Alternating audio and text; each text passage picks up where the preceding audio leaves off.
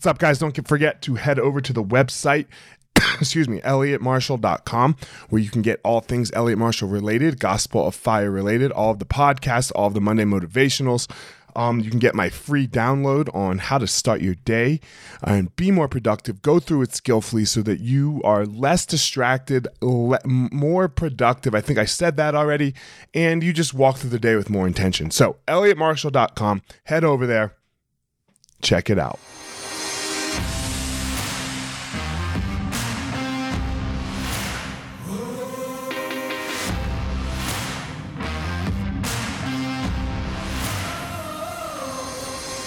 What's up, my ninjas? This is former UFC fighter Elliot Marshall, and this is the Gospel of Fire, where we are going to learn how to go into the fire so that we can find our power and live the best life possible.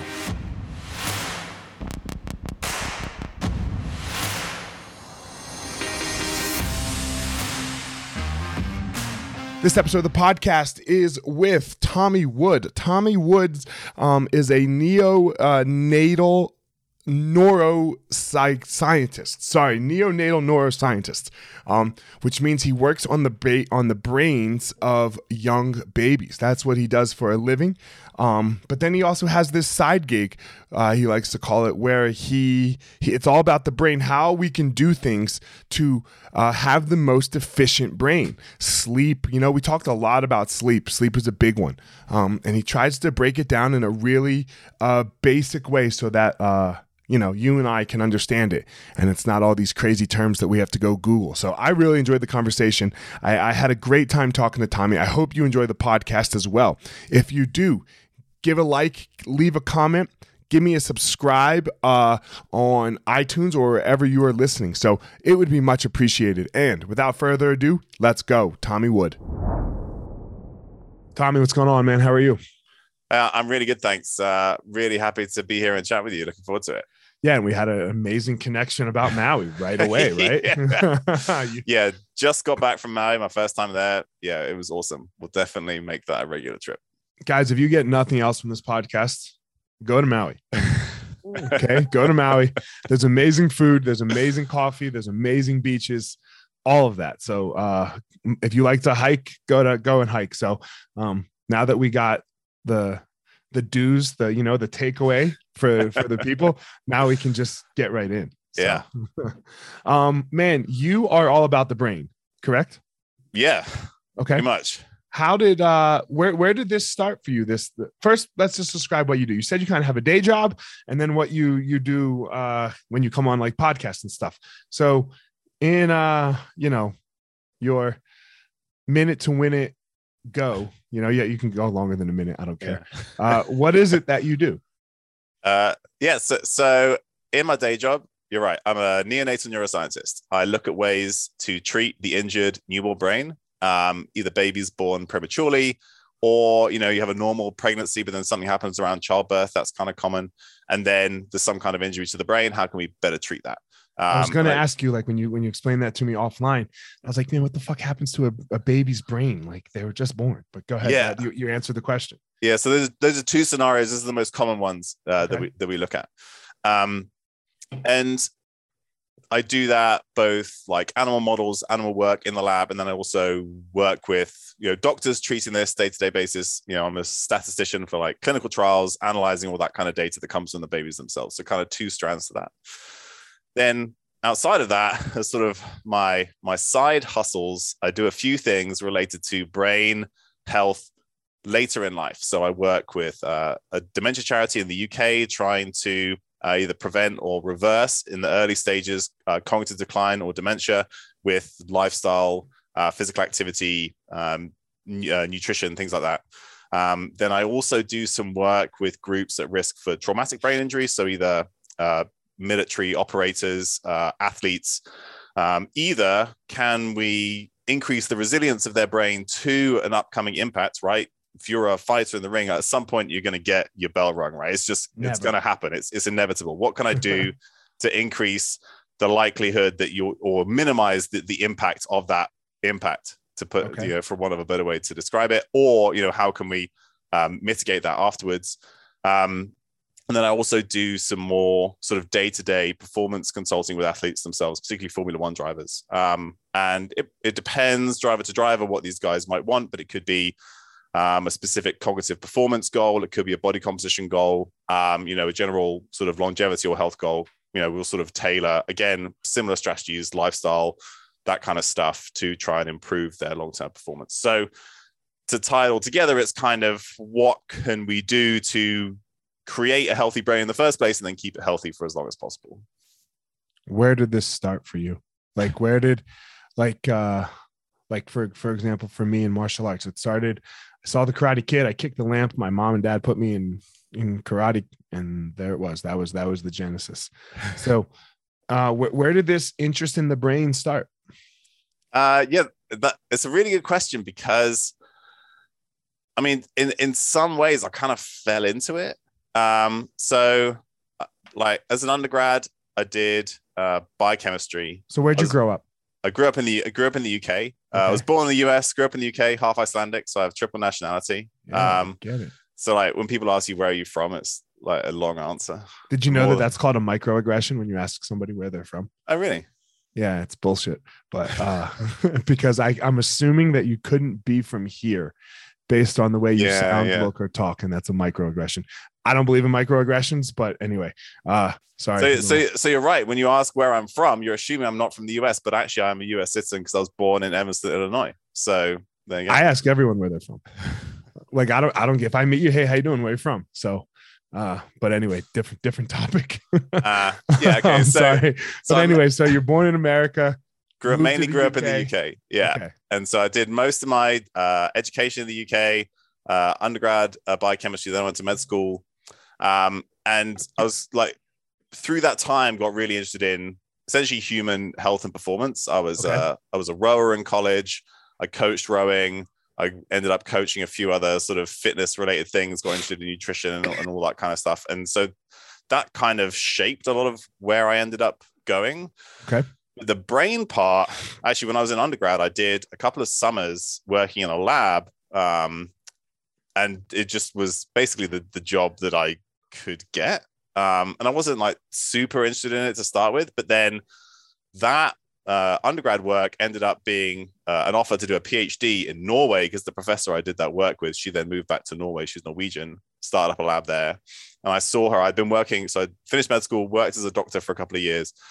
And then she was, and I didn't know what I wanted to specialize in. Like, when you say worked as a doctor, what do you mean worked as a doctor? Yeah, so I was essentially the the system is a little bit different in the UK compared to the US, like the, the training uh, system. But so I'd finished med school, and we do a lot of like more rotations as junior doctors, so like interns, early residents. We do rotations through multiple different um, types of medicine late like later in like later in your training. Like in med school in the us like by the time you graduate like you know what kind of doctor you're going to be essentially. Yeah you can just say you can just say it's better in the uk because like, everything's it's better in the uk yeah the food's terrible bro no the food's awful. It depends. It depends where you nah, go. man, you have good fish and chips, but that's the end.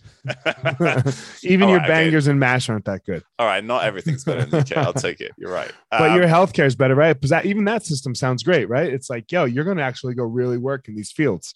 So yeah. that's um, cool. Yes, and so so I did that. So I what I, I did I worked in the ER, I worked in elderly care, I worked in internal medicine. I did a lot of internal medicine. I did some toxicology, like the the hospital I worked at St Thomas's in central London. It's like if you've ever been to London, you know right where the Houses of Parliament are, like on the Thames. Um, okay. Big Ben is uh, yep. the London Eye. Basically, St Thomas Hospital is, is right there, like okay. down down the centre. And near there is an area called Vauxhall where they have a you know is one of the party sort of centres of, of Europe. So they have a lot of recreational drug use. So there's some interesting research going on there as part, and I and I happened to rotate through that. Um, so I did all these kinds of things, but I didn't know what I wanted to specialize in. And then this professor said, Well, before you figure out what you want to do, why don't you just come to Norway and do a PhD? Uh, and I was like, Yeah, okay. Um, and so that was in neonatal neuroscience, which is what I've ended up specializing in. Um, but during that time, I like continued um, working with athletes. I uh, was working as part of a company where we did all kinds of biochemical screening, blood tests, urine tests, stool tests with athletes trying to improve their performance. Um, and then, sort of, when I moved to the US, I continued to work in the neuroscience and the athlete stuff. And then that sort of just coalesced on like, actually, I know quite a lot about the brain in these specific groups. And I have some idea of, of how we can translate that across not, not just like the developing brain, but the brain across the lifespan. Um, and so all these different interests of mine essentially kind of came together, um, looking at the brain across across the entire life. So, uh, man, this is what I love about the podcast is, and, doing the podcast is, it's your thing here, right? And and you've been able to like develop it into uh, a real thing, like a career, something that makes you happy, and not just something that makes you money. But I think a, a lot of times people, like you know, doctors, especially the doctors and lawyers, are miserable, right? Yeah. Because they have high billable hours, right? And all right, I'll just do it, but they don't love it, and that's what leads. I don't, I don't know. We're going to talk about the brain here. I mean, this this connects to the brain, like, and this is what leads to depression, anxiety, drug addiction, drinking, all of these unhealthy behaviors because you have no real passion and purpose in your life. Like you just, uh, e- even at a, even in a profession that is high paying, like Mm. doctors and lawyers, uh, I even like to say that a lot of those guys gave up when it when it came time to deciding what they're going to do for a living.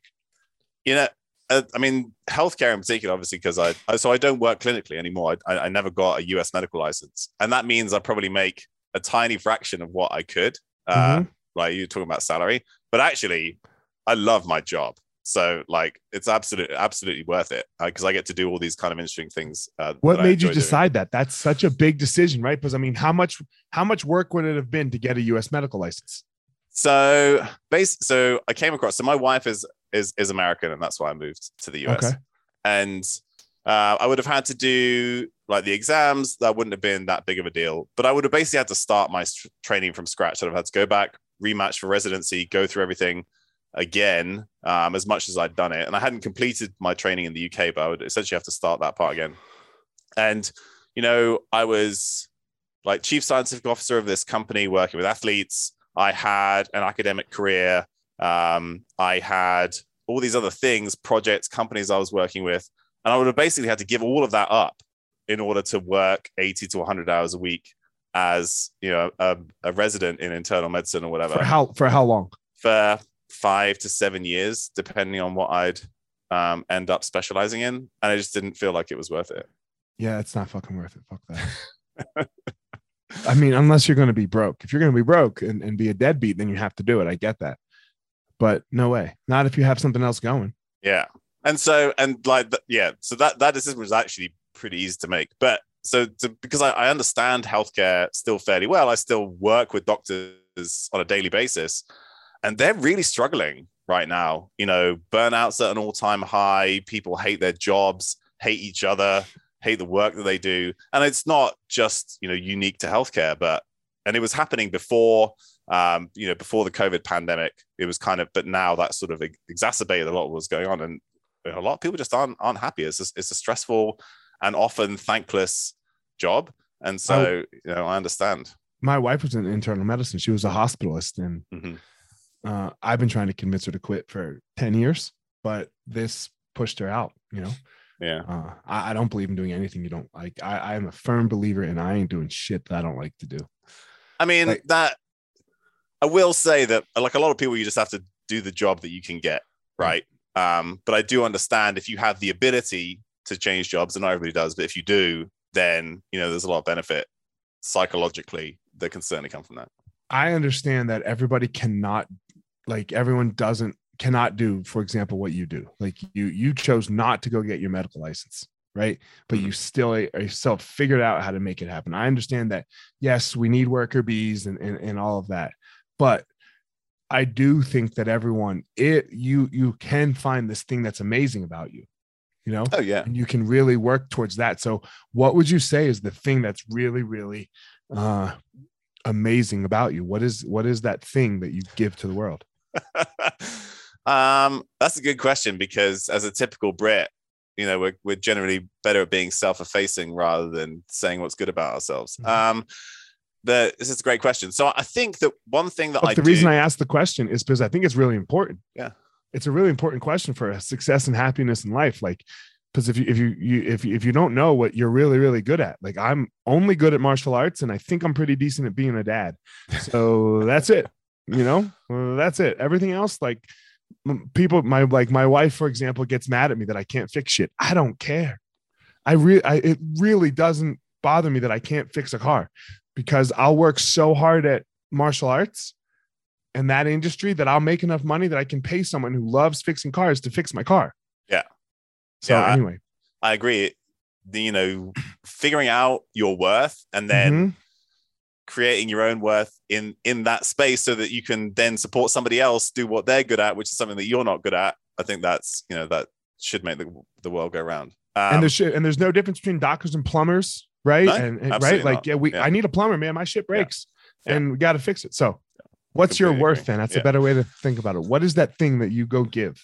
So I think my worth, the thing that I give is an ability to see, I guess, across silos in things that are currently being used to make stuff very complicated. So to simplify that down in neuroscience, the way that we talk about neuroscience, and and, and you see this in like anybody who's in uh, interested in in longevity, anti-aging, biohacking, health optimization.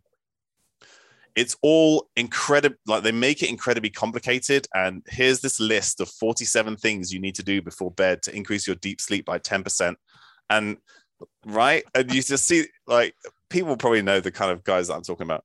Um, and right, that stuff's interesting, but in reality, it's not very useful. The vast majority of people can't can't implement that in any way. So I but what I think I'm good at doing is boiling down the stuff that actually will work in a way that's that's meaningful to people. And I think I can apply that both to like the sort of hardcore scientific arena as well as just like the average person. And Guys, particularly when it comes to the brain. Let's talk to the average person. What are the, what are the five things that you can do? Give me, Yeah. like, you know, you said there was 47, so that means you got to have five, right? Yeah. so wait, five is a great number because that's exactly the number of things that I think basically under underpin the vast majority of of of stuff that's related to long term health as well as performance. Um, Okay. like what is important for an athlete to perform at at their best, that stuff is also important for your long term health. Mhm. Broadly speaking, it is the quality of your nutrition, your social relationships, uh, your sleep and circadian rhythm, how you manage uh, stress, and your movement, and that's it right? And like you'll hear those same things again and again from person to person. We can dig into each of those, like each has its own like mini little framework. But if you take care of that, the supplements don't matter. You know, nothing else. Nothing else really matters if you if you really invest time in those things, which the majority of people can do in one way or another. okay, I greatly struggle with sleep. So let's start there. Great. What do you do? like I gotta sl- like man, like look, I'm exhausted because I uh, I have sleep apnea, you know, and throughout Okay. co- throughout COVID, uh, Yeah. my little kid was coming in the bed, which is a nightmare, right? Like, and he's not that little anymore, Uh-huh. and I would end up like down the hall. So like I just altogether stopped using the fu- the CPAP, which I had totally gotten used to at the time. Mhm. And now here we are, two years later. I'm snoring like a madman, waking up all the time. Finally got my kid handled, you know. Uh, and I went to put the CPAP machine back on. I was just fucking up all night, right? Because, and and look, let's just, I'll be super honest. I sleep terribly Mm. because of like things like stress and anxiety and stuff like Yeah. that. So what can I do? So I think the most important thing is that if you have sleep apnea, you should use your CPAP machine. Um, like I know it's gonna be hard to get used. you know, like you got used to it previously, getting Right. used to it again, incredibly important. And and one of and it's very common and it's underdiagnosed. Um, and so if there's any chance, you know, if you snore at night or your like partner says you like you go to sleep or you stop breathing whatever, and you suddenly wake up, uh, you may not notice it, but they will notice it that you stop breathing and then you start breathing again. Like get a CPAP machine because it's going to dramatically improve both your sleep and your long term health. Um, and you'll get to a point if you have sleep apnea for long enough, uh, the hypoxia that you get exposed, your brain gets exposed to during the periods where you stop breathing, it can actually damage the respiratory centers in the brain such that you'll never be able to regain that. So whatever it is that's causing your sleep apnea, you may just need a CPAP machine forever, and that's just that's just the matter of it. But using CPAP will definitely help. Um, then everything else, it kind of depends on what's going on. So um, for you in particular, um, and, for a lot of people, some kind of CBT, cognitive behavioral therapy, a type of, of approach for sleep can be really beneficial. And one of the reasons for that is because we end up, if we have a period where we don't sleep very well, we start to associate bed with not being able to sleep, right? So, whereas you should get in bed and you should associate it with sleeping and maybe one other thing. Um, and if you don't do that, not eating, not eating, um, not work. Um, and so if, if you start to associate your, your bed with, with, with not being able to sleep or doing work in bed, right, then it becomes a place that's no longer relaxing and you will actually create an environment in your head as well as physically where which doesn't support sleep. It does the exact opposite. People don't understand this sometimes, right? Like this connection between our behaviors and our brain. Hmm right? Like like you you behave a certain way and then that your brain associates that behavior it's uh we understand it for example in like a ptsd realm right? Like something happens you see this really scary movie and then you're scared of movies got or whatever it is. Like we understand that for our children but we don't understand that for adults right? Like we, yeah. we greatly and i guess i've had to do a lot of work on this because of my anxiety. So i i understand like uh I I attached fear to everything, right? Like mm. I had a panic attack in a movie theater, so then the fucking movie theaters are bad, yeah. right? And you're like, whoa, you know. But that's just a form of CBT in the in yeah. the reverse in the, in the reverse way, right? I'm cognitively behaving to a, a stimulus based on a, a, previous experience. Yeah, and and the way uh, and and what you do. So say if you have you've had some traumatic experience and you create these behaviors or thought processes in, in you know associated with certain things your um what you try and do is you try and avoid them which is the exact opposite of what you should do. And so cbt when done properly with a professional as it should be is basically exposing yourself to that thing that scares you or creates this pattern behavior and it's essentially showing yourself that it's not the thing that you, that you think it is um, and and you, and you adapt back over time. And so you can do that with the bedroom when if you're not sleeping, you actually remove yourself from bed. Um, right. So so if you can't sleep, don't just lay there thinking, oh my God, I can't sleep. You know, I'm gonna feel terrible tomorrow. Take yourself away from the bedroom to somewhere else where you can sit with you know a dim light, read a book, listen to music, listen to a podcast, something else that's relaxing. And then when you feel sleepy again, then, then go back to bed. And this can, you know, this works fairly well within a few weeks as long as you're not sort of spending all this time in bed torturing yourself associating bed with a time when you can't sleep you can slowly work your way back in. Something that can go with that is actually sleep deprivation uh, where you compress your your sleep time. You go to you go to bed much later which will increase your sleep pressure and you're more likely to sleep when you do get into bed. And then you can slowly extend that out um, over time. Uh, you know and you sort of like make make your bedtime earlier and earlier. Whereas for most people, I would say everybody should make their bedtime earlier to get more sleep opportunity. If you don't associate your bed with sleeping, as many as many people with insomnia don't, you should do the opposite and then and then work your way back. So that's one thing. Are you associating bed with sleep? Is that creating the environment you need?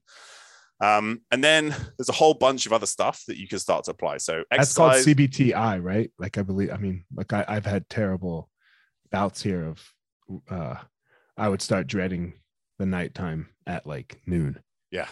Because I because I had gone so long without sleeping and yeah. had such problems sleeping that you you just start. I mean, I'd start panicking, literally there, right around this time of day. Yeah, and you can find so there are some online tools, there's some apps that can guide you through this. Or you know, if it's really mm-hmm. bad, well, if it's really bad, consider seeing a health professional because you may have some other diagnosis that's affecting your sleep. You know, right thyroid right. or, or something else, right? There could be something else going on. And if you know the standard stuff doesn't work, it's always worth just making sure that none of that is is happening. Um, and then you know, I'm I'm sure people will have heard all the other standard advice. You know, what are other things that improve? So like exercise during the day improves sleep.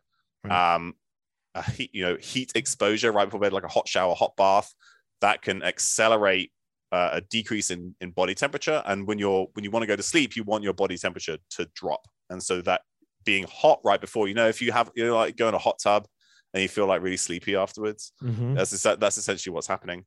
Um, then having a you know a cool room, you know, sort of in the mid 60s Fahrenheit, um, dark, um, either no noise or if there is noise, using something like a white noise machine.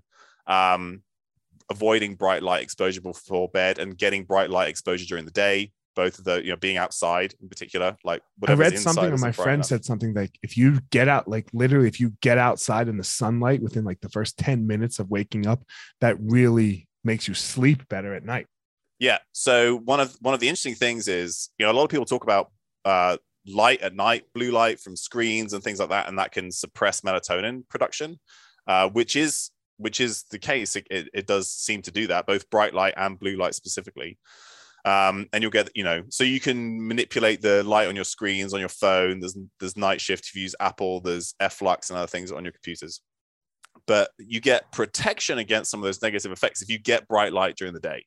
So, you know, whenever the sun is up where you are, maybe it's like 10 or 11 a.m., it's a little bit earlier nowadays, getting outside for like 10 to 20 minutes, even if it's cloudy, that's enough light to sort of set your circadian rhythm. And then that offsets some of the negative effects of bright light later in the day. Nice, Um, okay. so that's an important thing. Um, those uh, light effects, you know, if you can decrease the light you're exposed to at night, you know, as it's getting dark, and then create some kind of routine around, um, you know, working towards bedtime. Again, sort of like telling yourself that, hey, you know, soon I'm going to be going to sleep. Um, and you know, so like in in my house, you know, I put on my blue light blocking glasses, I make myself a nice cup of herbal tea, and then I read a book, like a an actual physical book. Um, and that not everybody has to do that, but that's like me telling my brain that hey, you know, it's uh, in the in the next hour or so, it's going to be sleep time. Um, so having some kind of relaxing routine can can help as well.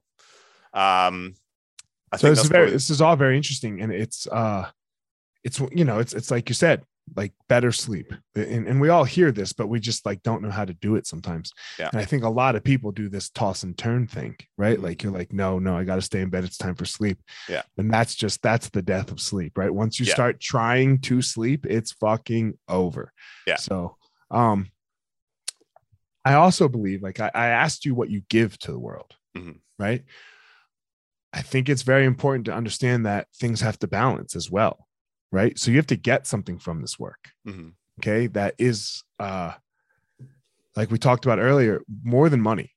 You know, like mo- you definitely have to get money, and and, I, and I'm like you, like you, because we have to survive to pay your mortgage and you know eat food and all that stuff.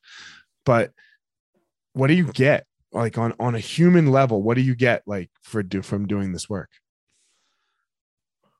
Um, so I used to think, well, there was there was a time when you know I started a blog, I had my own podcast. Um, I was trying to get out there, and there was a time when I was like, I wanted to be like the person, like I wanted to be like famous, and and like have like be the expert, um, and you know have x hundreds of thousands of followers, or whatever like that. Um, and I've re- realized that that is now absolutely not what I want. Um, Why is it not what you want?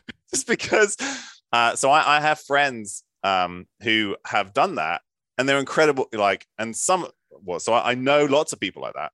Um, and some uh, i think it's really detrimentally affected the quality of their work um, because people want you to have an opinion about everything and be able to respond to everything and be everything to everyone. Um, and nobody can do that but they try and so as a result they step outside of their sort of sphere of expertise frequently and do a terrible job. Um, and so there are a number of very well known scientists who are now doing that. And half of their work is fabulous and half of it is complete trash because yeah, we're seeing that with COVID, right? Yeah. Like Yeah. we're totally seeing that with COVID. Ukraine. Now, Yeah. like as of today, everybody had an opinion as to why Will Smith slapped Chris Rock at the Oscars. Um, and that's fine. It's nice to have an opinion, but nobody nobody Nobody's knows what's going on there. Yeah, right? man. Like, Nobody's right. yeah, right. Only So- Will Smith knows why he slapped the shit out of Chris Rock. ex- exactly like and you don't you don't i I don't feel like you should feel compelled to tell everybody what you think about that, right? And but but there are well-known scientists who are basically not on that necessarily on that topic, but they're doing this on every topic because people want them to be that. And so Right. And, I want to avoid that at all costs. Um, I think it's very interesting what you're saying here because, uh, uh, you know, like a guy like Jordan Peterson, for example, Mhm. there's some really great things that he says that I really, really love, you know? Yeah. And and I repost a lot of his like reels that are made about him on like, yo, let's just do simple shit like make your bed. Like, like aim really low when you're trying to get yourself out of a hole. Like this is one of his main points. It's great. But then I heard him talking. What did I hear him talking about the other day? And I was like, dude, th- this is just not your wheelhouse. What are you doing? exactly. Like, why would you even talk? And everyone looks at you as an authority Mhm. because you are an authority in this one spot. Yeah. Stop it. Don't be, Yeah. just be like, yeah, look, this is my opinion. It means nothing. Yeah. Right. Like, or just turn around and say, do you know what? Either I don't have an opinion about that to share with you, or I don't know. And what really bothers me is that not enough people who are smart and should know better don't just say, hey, I don't know about this. there's a Um, right there, there's smart people and i think this is what we're seeing with covid right for example like you get somebody who says they're a doctor Mhm. look there's a very specific type of doctor that studies this Mhm. um oncologists don't study covid they have like a basic knowledge and yada yada. But then they go oh, I, and, and then everyone goes oh, i talked to my doctor and i did the research. Those are my two favorite words. I talked to my doctor and i did the research. I'm like okay well your doctor's a fucking chiropractor. Shut the fuck up okay? Now we have a need for chiropractors. I'm gonna go see mine five o'clock right? I have a herniated disc. He's gonna help me out and he's been helping me out. He's amazing. He's amazing okay? I don't ask him for covid advice. And none of us do the research you do you do the research in brain health right Yeah. but do you do the research in any other field of study like uh cardiovascular disease Sometimes, but okay I'm very, spe- very specific about where my knowledge starts and ends. Right. right Um, and I, and I think that's, I think that's, I think that's the important thing.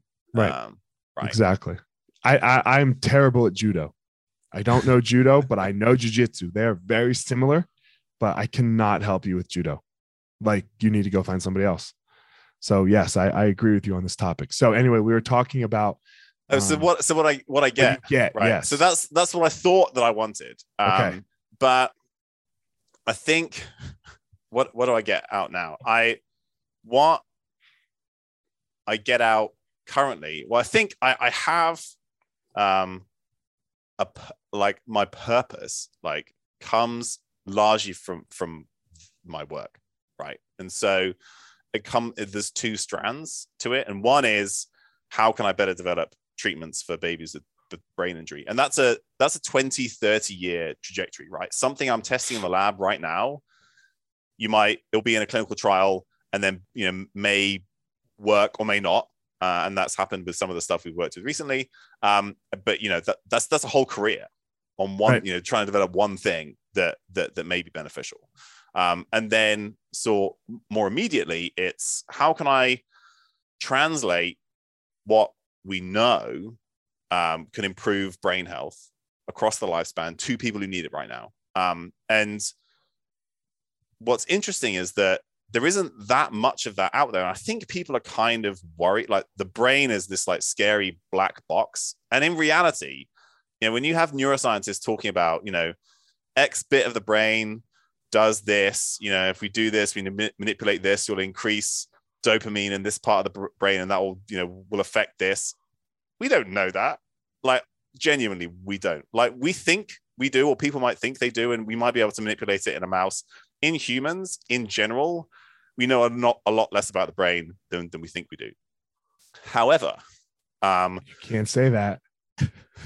You can't say that. You have to be an expert, Tommy. You have So, to be an know what? expert. I am a professional neuroscientist, and so it is- I I was recently on a, on a different podcast, and the guy was like, you know, we have a technical audience, but you know, when you when you when you start talking about the dorsolateral prefrontal cortex, can you just like explain what bit of the brain that is and what it does? And I was like, I am not going to say dorsolateral prefrontal cortex because we have a rough idea what it does, but none of that is relevant to what we're really talking about. And so the some more, more immediate effect of the stuff that I do is what things can we apply that have something as a term I use uh, that I learned fairly recently positive asymmetry, which is basically like super low risk and the benefit is probably going to be really high, right? And worst case scenario is there's no downside, right? And there is lots of things, all the stuff we talked about earlier, right? That covers all of those things, right? I don't have to tell you to take a supplement. I don't have to tell you to use this fancy wearable, right? What do we what are we really confident is going to work? And worst case scenario, if it doesn't work, I've caused no harm, and we'll we'll probably have a, a lot of benefit to a lot of people, and it's easy to implement. It's accessible, equitable, right? That's where I think the majority of my sort of short term work can focus on you keep saying this idea, you know, or you've talked about it a couple of times of like making it like palatable for the or easy to digest for the mm. for you know for the moron like me when it comes to like brain chemistry and or brain brain health. Uh, somebody who think who I think really does this well and why he's had a had a, a rise to fame is like Neil deGrasse Tyson. Mm. You know, and he actually does this other thing that you said, you know, like you hear him talk about like people always ask him whenever you talk about like the cosmos, for example, like they they they always attach it to God yeah. You know, and he always says, I've never heard him say anything different. He goes, Look, I have no clue. This is my personal belief. And, and, but, but I don't know. Like this idea of having to know. Where did it come? Where, where do you think we want it so much? Because we, we so want it, right? Like, and we want it right now and we want it first. Like, we don't even care if it's right. If you're louder and first, you're the winner so th- i mean there's a couple of things there. Like one is the pursuit of knowledge is a very human thing. Right. It's something that's uniquely human. Um, and and and i applaud people's thirst to know and thirst for knowledge because i think it's it's a really important thing. It's, it's part of who, who we are as a species. We also know we know that um, the more information we have about our environment essentially the safer we think will be right? So, so that's one reason why we want to gather information is to decrease the likelihood that there'll be some kind of existential threat uh, in the future. And back you know back in the hunter gatherer days it could be a, a predator or, or a this is how we this like is how we evolved. You, you had to, evolved. you had to stay yeah. alive. Yeah you have to stay alive and gathering information helps you stay alive and, and sharing that information with others the, the, the, sort of a critical part of, of, of, how humans evolved and how we came to be the species that we are today. So that's that's that's part of it. The other part of it is that um, in the search for knowledge, novelty is king, right? And we know that the human brain loves things that are novel, and so this is why it's very hard for somebody to become famous if they say the same things every day, which is sleep and circadian rhythm, social connections, stress reduction, movement. Um, right? Like if but, you say but that that's again, what's actually get you good at things though. Like this, exactly. like this is the hard thing though. You have to just repeat shit. Yeah. And and so that's well that's and that's a useful thing to know because actually the people who are out there putting out content and like I've already given you 75 different lists to optimize these different parts of your biochemistry right? But i've got to create something new and novel or else you're going to switch to a different content provider which is what people people do. Right. But but actually i'll tell you something 10 times and you won't do it right? Maybe i need to tell it to you 20 times in 20 different ways or maybe i need to tell it to you 20 different times and then somebody else says it and you're like oh yeah of course.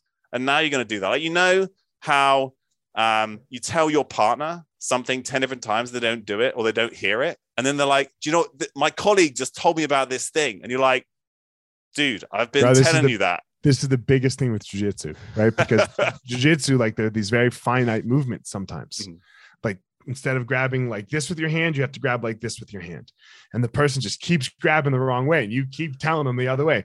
And then finally you know after like a year or so you're like look they're just not gonna fucking get it. They're gonna have to get it on their own time. Uh-huh. and then a year later they get it and they're like man why didn't you tell me that? And you're like and, and so really, I just say I'm really sorry now. That's all I say is I'm yeah. really sorry. You know.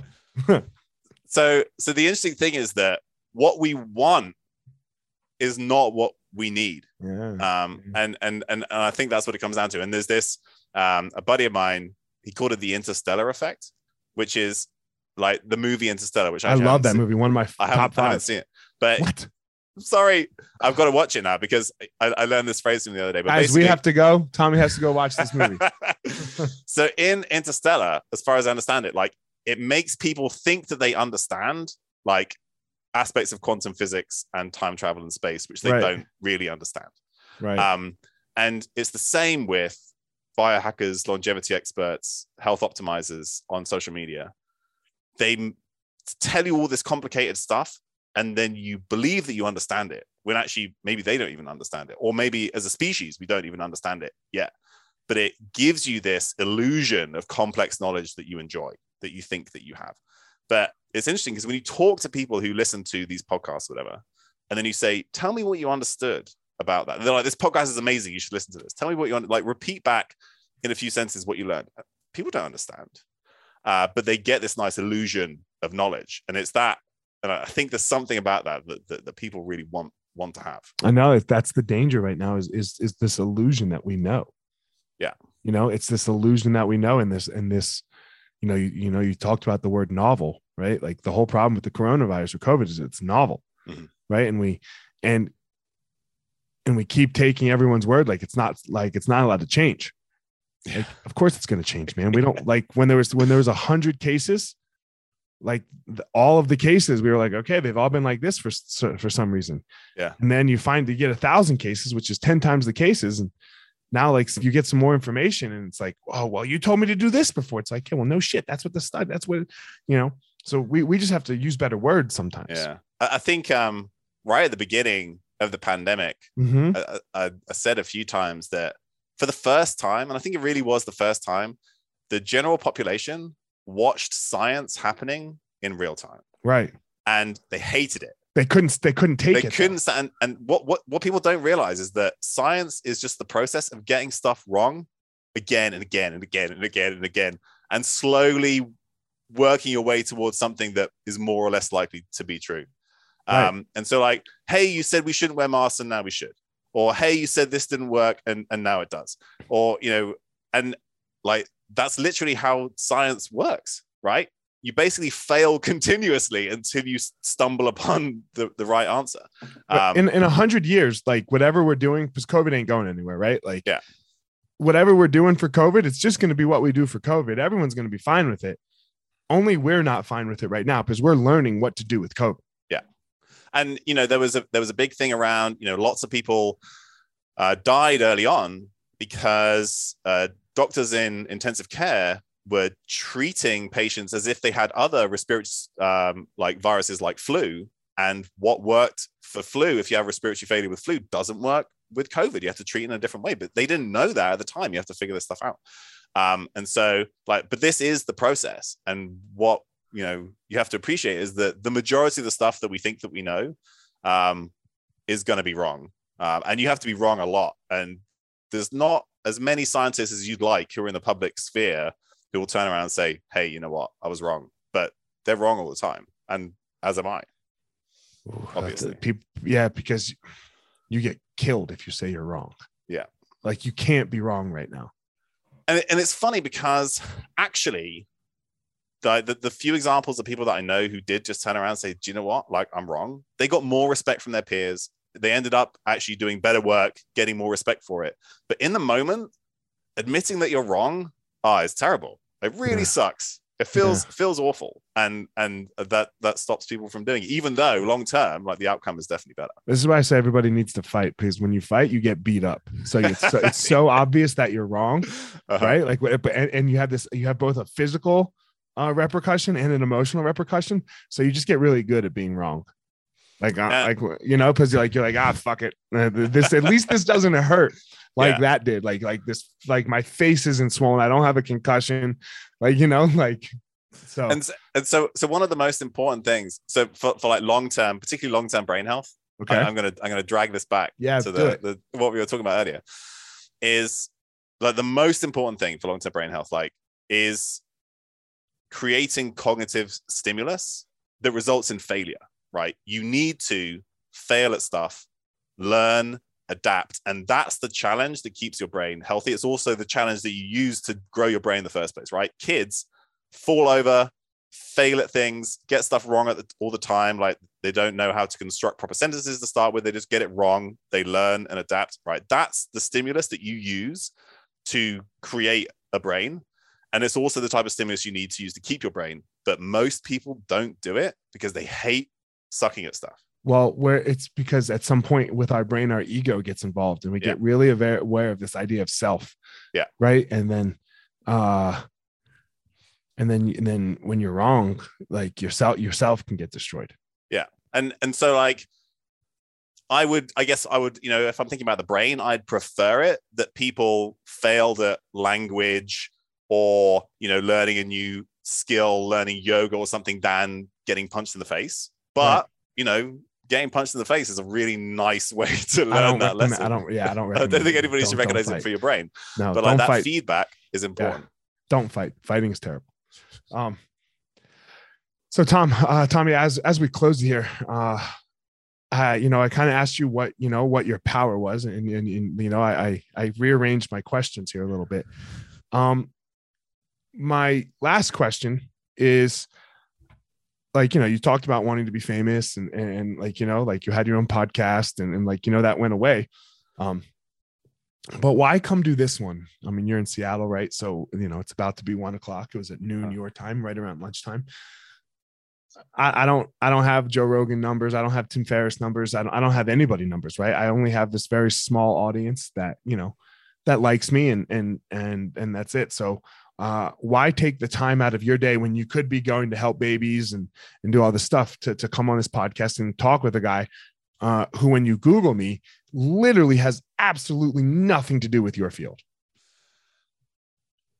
You know what? I have never, I've never turned down a podcast invite. Okay. Um, I've realized that rather than think I can be all things to all people, you have your own sphere of influence. And I hope that I can impart something useful to the others around me, and then they can go and do the same for other people. So I have done podcasts where I'm not even sure anybody listened to it, right? Okay. But I had a nice conversation with the host, and maybe then they go and impart that to their mum, right? And th- there's some useful tidbits there. Uh, and I think that's how we have the most meaningful impact.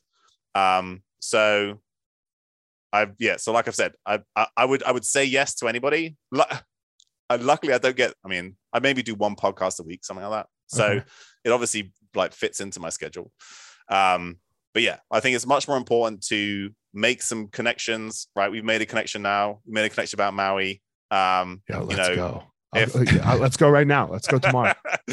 if in the future I feel like I want to take up a fight sport, right? I'm going to send you an email right? So, so there's the personal connection aspect, but then also, you know, if we have a good conversation that helps you help somebody else, right? There's there's some benefit there. So that's why that's why I came with this podcast. Awesome. Well, I appreciate it. So uh, I, I, had look, it, it, did its due diligence, it, uh, or not its due diligence, it did its purpose because I had a great hour. Um, right, me too. T- tell everyone where they can reach you if they want to, you know, find out more about you and all that stuff, and see some of your research and your work. Sure. So uh, Instagram is probably where I'm the most active, although not always active. Um, uh, but so at Dr. Tommy Wood, um, there'll be pictures of my dogs, what I'm lifting in the gym, a, a paper I published, um, a, occasionally a meme making fun of biohackers. You know, okay. so if you're into that kind of stuff, uh, that's what that's where you'll find me. Um, I do have uh, a a blog that I haven't updated for a while, but it's uh, drragnar.com, R A G N A R, which is my middle name. Okay. Um, and so, and like, I, I have like my public some publication lists and stuff on there. So if anybody's like super interested in reading the, the papers that I published, um, they're they're on there too. But Instagram, and you can send me a DM. I do try to respond to everything that I get. Uh, sometimes it'll take me a while to get to it, but if you have any burning questions, please reach out and I'll be I'll be happy to answer them. Well, thanks for coming on, man. Uh, guys, as always, Tommy has his power, his unique thing that he gives to the world and is amazing that makes him amazing in the world. And I have my unique thing and my my power that I give and makes me unique and amazing in the world. So uh, don't go out in the world and try to be Tommy, and don't go out in the world and try to be me. You just go out there and you find your own power. All right, everyone, thanks for listening to this episode of The Gospel of Fire. If you enjoyed the episode, I'd love a review on iTunes or wherever you are listening to this podcast. Don't forget to follow me on social media at FireMarshal205. If you are a BJJ enthusiast, check out my YouTube channel. I put all kinds of instructional DVD uh, videos out on there, so go check it out. My book is still out on Amazon by the same name as the podcast, The Gospel of Fire. So if you are interested, go check out that. And most importantly, guys, go out there every day, find your power. Thanks a lot.